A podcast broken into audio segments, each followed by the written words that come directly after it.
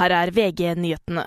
Nato-sjef Jens Stoltenberg oppfordrer ukrainere til å ikke miste motet på toårsmarkeringen for Russlands invasjon av landet. Han legger til at situasjonen på slagmarken fortsatt er ekstremt alvorlig. Minst 92 palestinere skal være drept på Gazastripen det siste døgnet. Over 29 600 er drept siden krigen mellom Israel og Hamas begynte.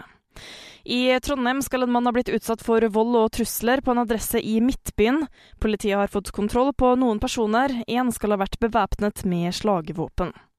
To av tre utrykninger på automatiske brannalarmer i Oslo var unødvendige i fjor. Brannvesenet rykket ut 10 000 ganger til unødige eller falske alarmer. Unødvendige utrykninger er blitt et problem for etaten, skriver Dagsavisen.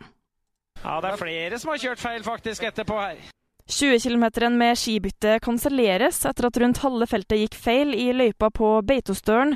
Det var en mønepanne som gjorde NM-løperne forvirret. I studio Miriam Alsvik, nyhetene får du alltid på VG.